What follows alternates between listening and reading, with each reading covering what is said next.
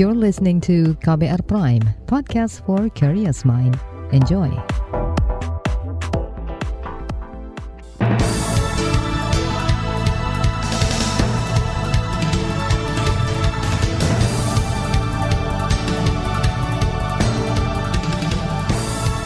Selamat pagi, saudara. Senang sekali kami bisa menjumpai Anda kembali melalui program Buletin Pagi edisi Selasa 6 September 2022. Bersama saya Naomi Liandra. Sejumlah informasi pilihan telah kami siapkan. Di antaranya, pemerintah yakin bansos BBM mampu tekan jumlah orang miskin. Isu SARA mesti diwaspadai jelang tahun politik. TNI dituntut transparan soal kasus kematian empat warga Mimikan. Inilah Buletin Pagi selengkapnya. Terbaru di Buletin Pagi. Saudara, pemerintah yakin angka kemiskinan tidak akan bertambah meski harga BBM subsidi naik. Menurut Kepala Badan Kebijakan Fiskal BKF Kementerian Keuangan Febrio Kacaribu, bantuan langsung tunai BLT BBM bisa menahan laju pertambahan orang miskin, bahkan juga bisa menekan angka kemiskinan hingga 0,3 persen. Bansos sebesar 24 triliun rupiah yang digelontorkan pemerintah bisa meningkatkan daya beli masyarakat.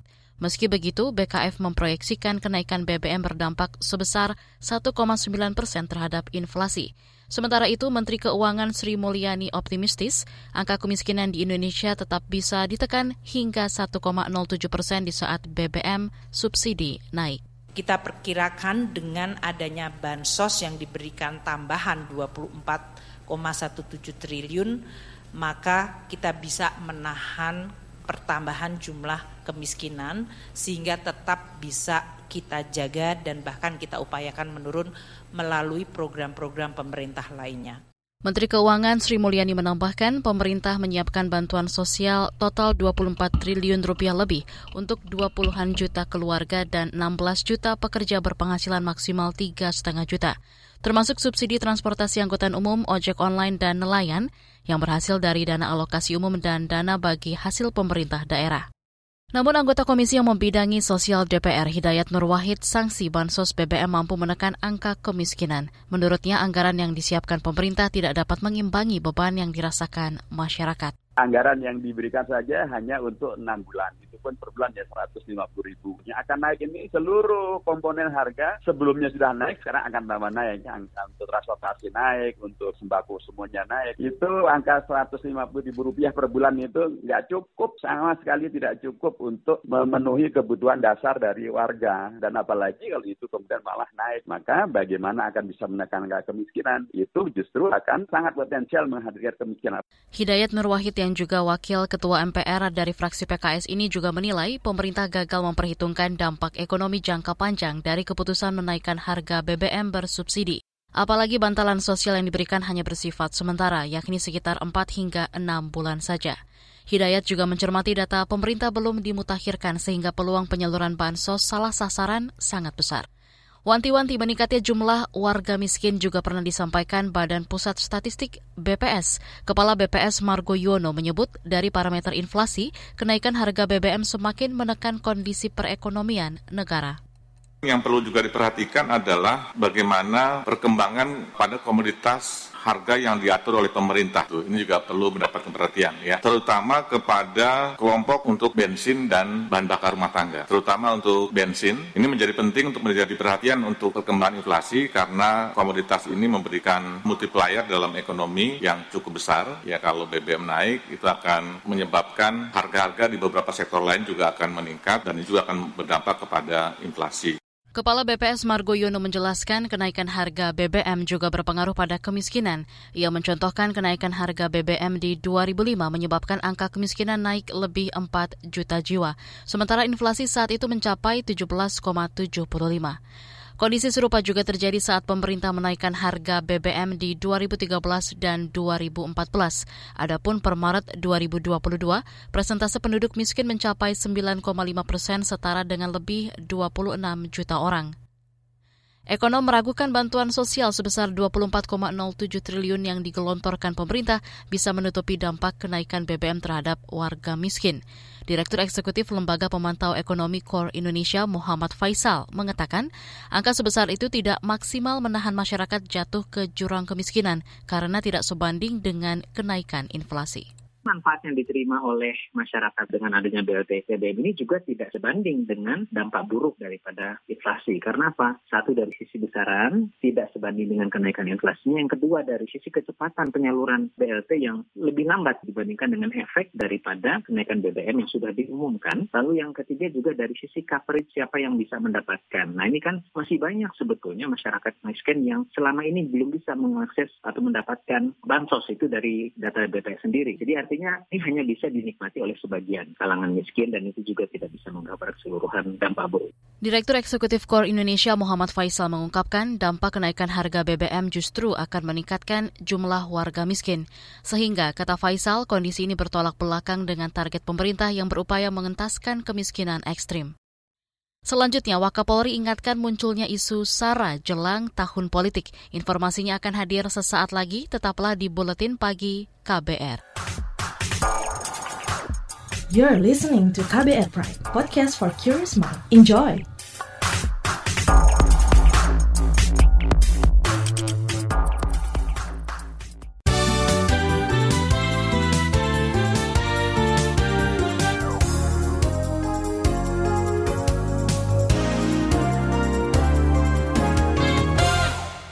Anda sedang mendengarkan Buletin Pagi KBR.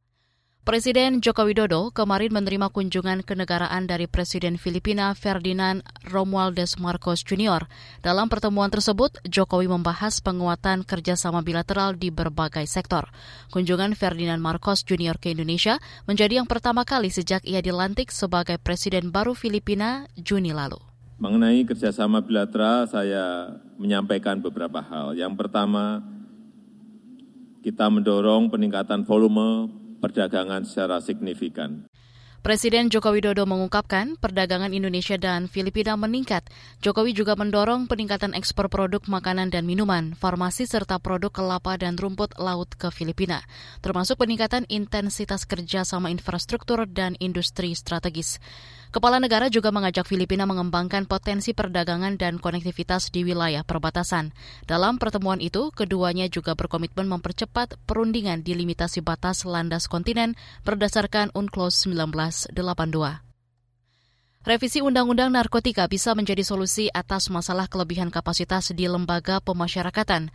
Wakil Menteri Hukum dan HAM Wamenkumham Edward Hiarich menyebut dalam revisi tersebut pengguna narkoba bisa direhabilitasi terlebih dahulu sembari proses hukum berjalan. Tetapi dalam RU yang baru itu dibalik. Dia direhabilitasi dulu.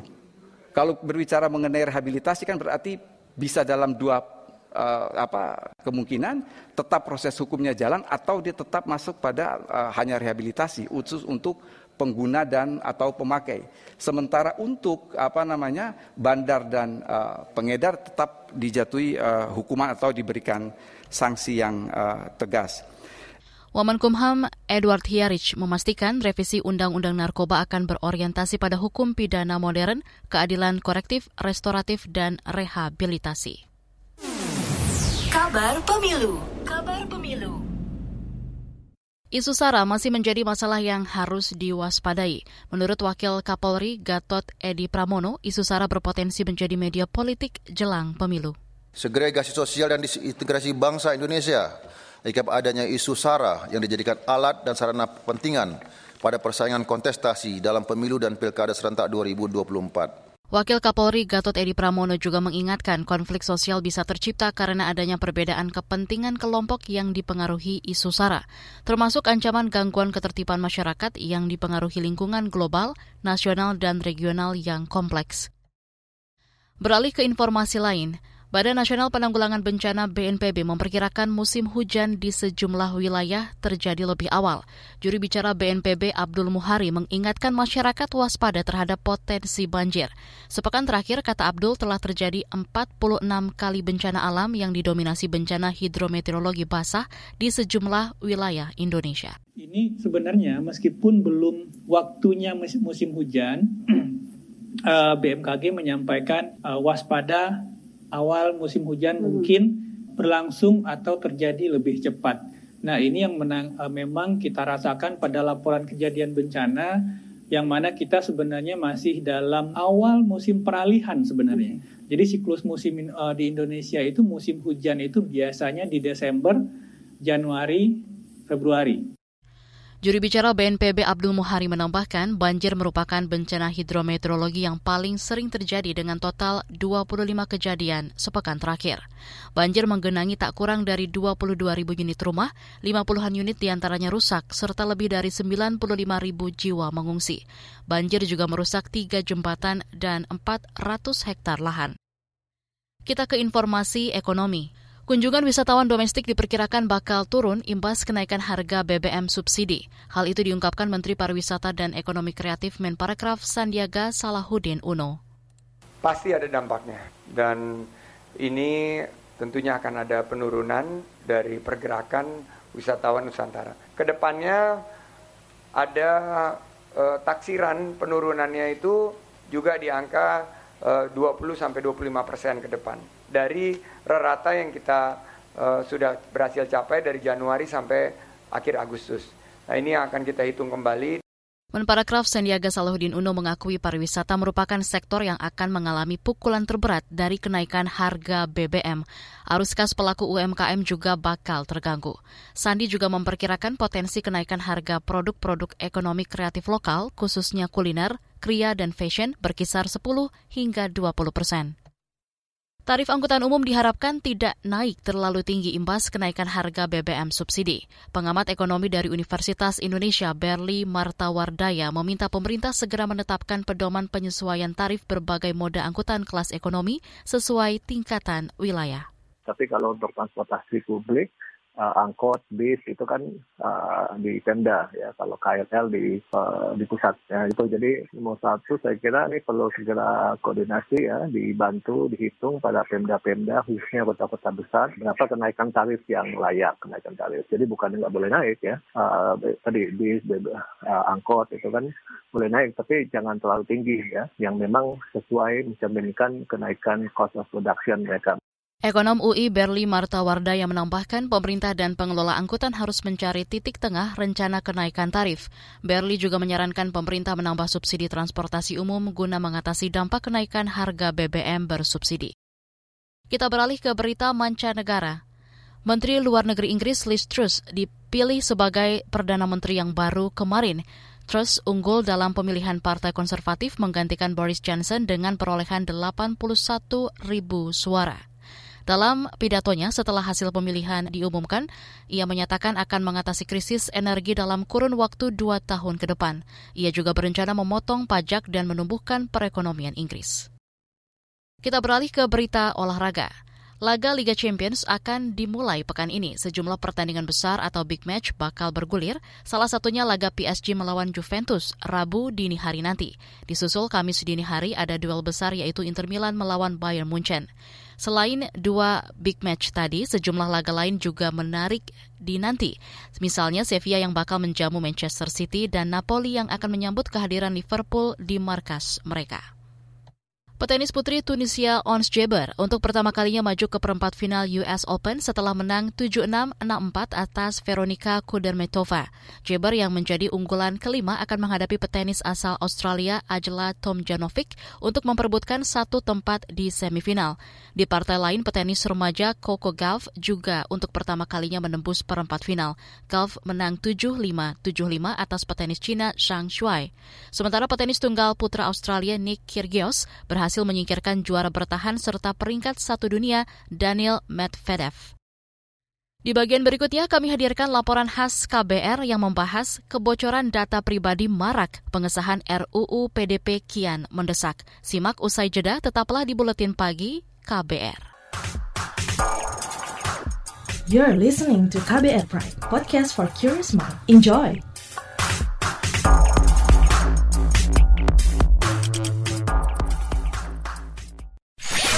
Commercial break.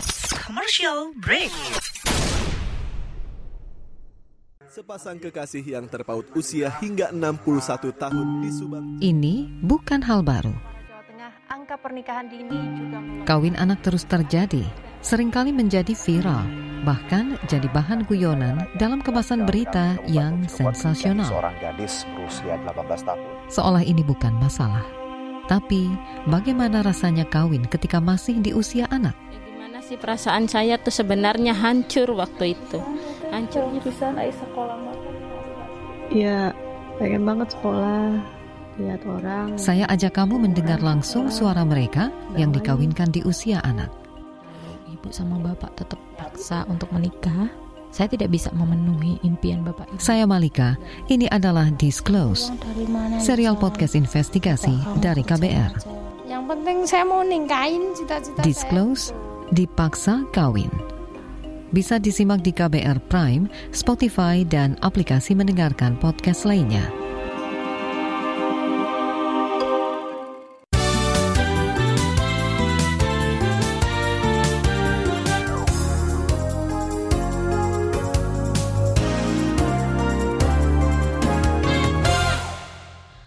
Anda masih bersama kami di Buletin Pagi KBR.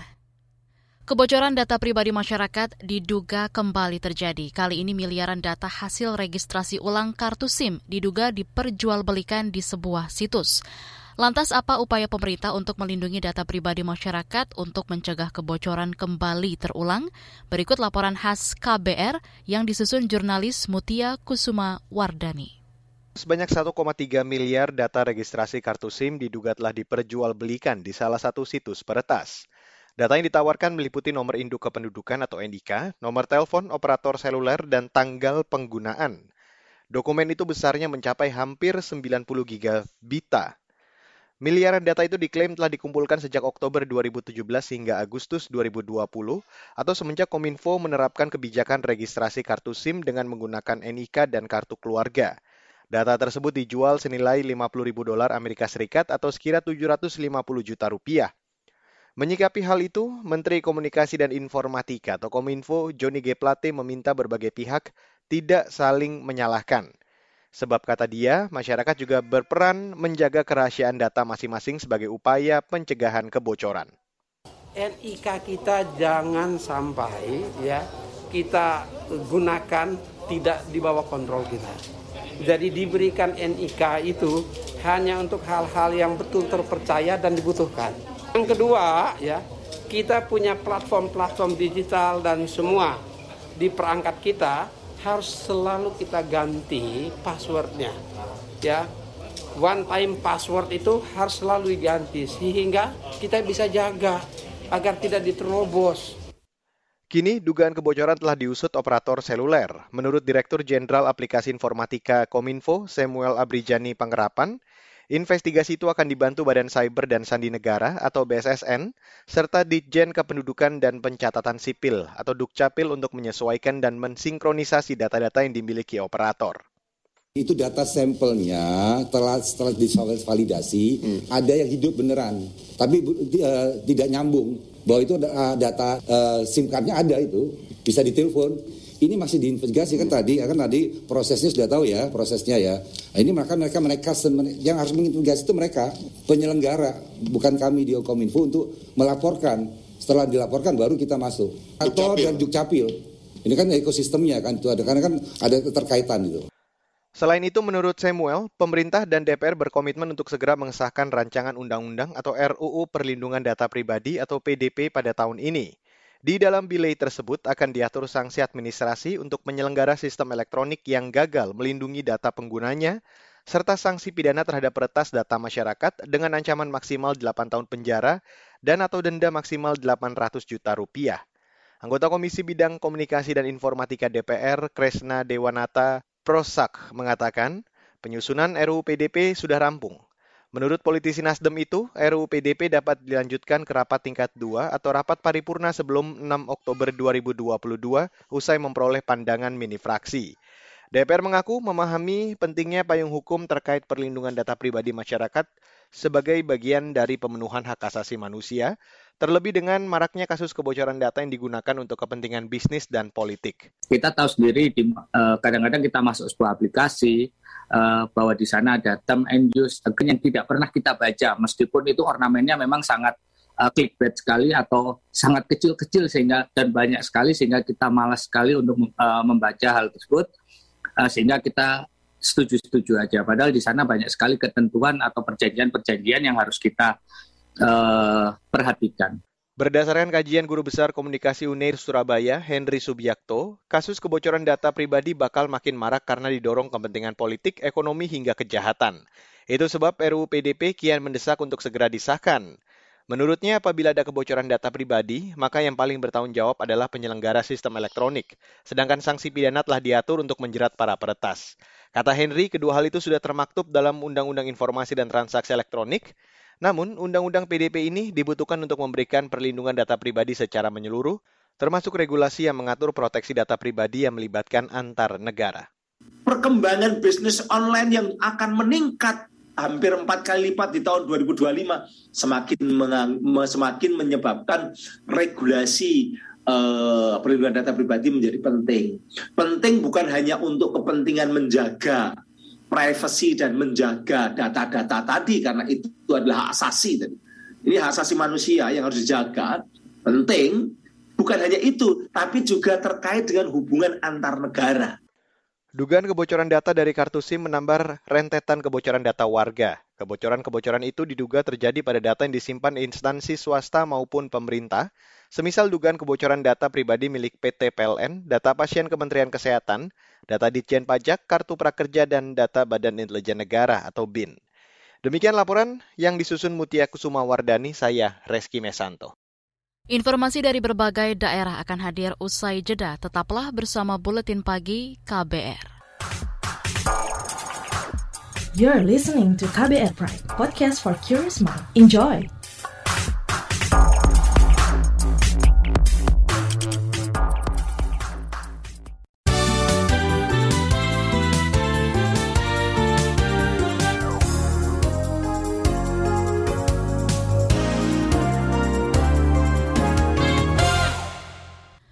Inilah bagian akhir buletin KBR.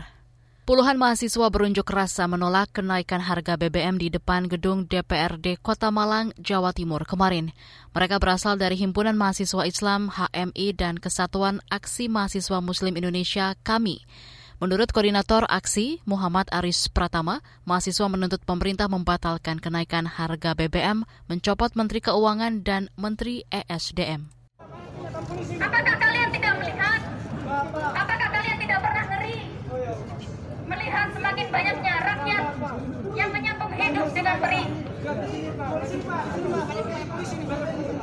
Terakhir, kami berharap doa-doa kami sebagai rakyat yang tertolong segera berakhir. Assalamualaikum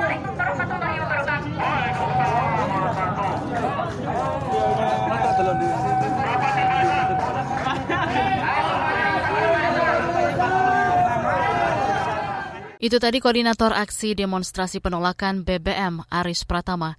Sementara itu Ketua DPRD Kota Malang Madarian Kartika saat menemui pengunjuk rasa menyatakan kelima fraksi di DPRD juga sepakat menolak kenaikan harga BBM. Kita ke Jawa Tengah. Nelayan di Cilacap meminta pemerintah mempermudah pengurusan dokumen kapal sebagai syarat mendapatkan BBM subsidi. Menurut Ketua Himpunan Nelayan Seluruh Indonesia Kabupaten Cilacap Sarjono, ada beberapa syarat yang sulit dipenuhi, antara lain kepemilikan nomor pokok wajib pajak atau NPWP, kartu pelaku usaha kelautan dan perikanan atau KUSUKA, dan tanda daftar kapal perikanan Andon atau TDKP dan KTP. Selain itu, sebagian besar pengurusan dokumen itu harus dilakukan di Dinas Kelautan dan Perikanan DKP Provinsi.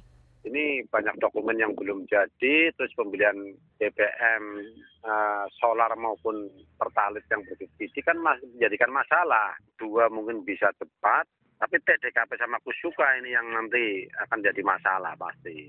Kemarin saya sudah mengajukan ke dinas provinsi sekitar ada 300-an itu untuk TDKP. Sampai sekarang pun belum jadi. Padahal itu dibantu dari lembaga NSI. Pengen membantu nelayannya itu jangan ribut terus tuh, maksudnya kayak gitu. Itu tadi Ketua Himpunan Nelayan Seluruh Indonesia HNSI Celacap Sarjono. Beralih ke Papua. Puluhan mahasiswa berunjuk rasa di daerah Abe Pura kemarin mendesak penuntasan kasus pembunuhan empat warga Mimika. Kasus itu diduga melibatkan enam prajurit militer.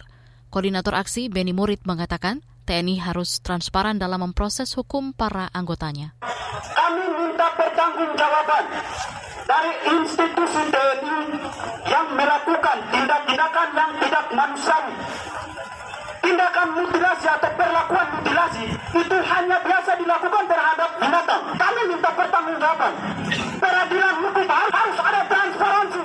Koordinator aksi Beni Murib menekankan proses hukum terhadap terduga pelaku harus memberi rasa keadilan kepada keluarga korban.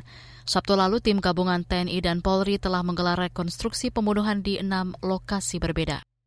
Informasi tadi menutup jumpa kita di Buletin Pagi hari ini. Pantau juga informasi terbaru melalui kabar baru, situs kbr.id, Twitter kami di akun @beritaKBR, serta podcast di alamat kbrprime.id. Akhirnya saya, Naomi Liandra, bersama tim yang bertugas undur diri. Salam.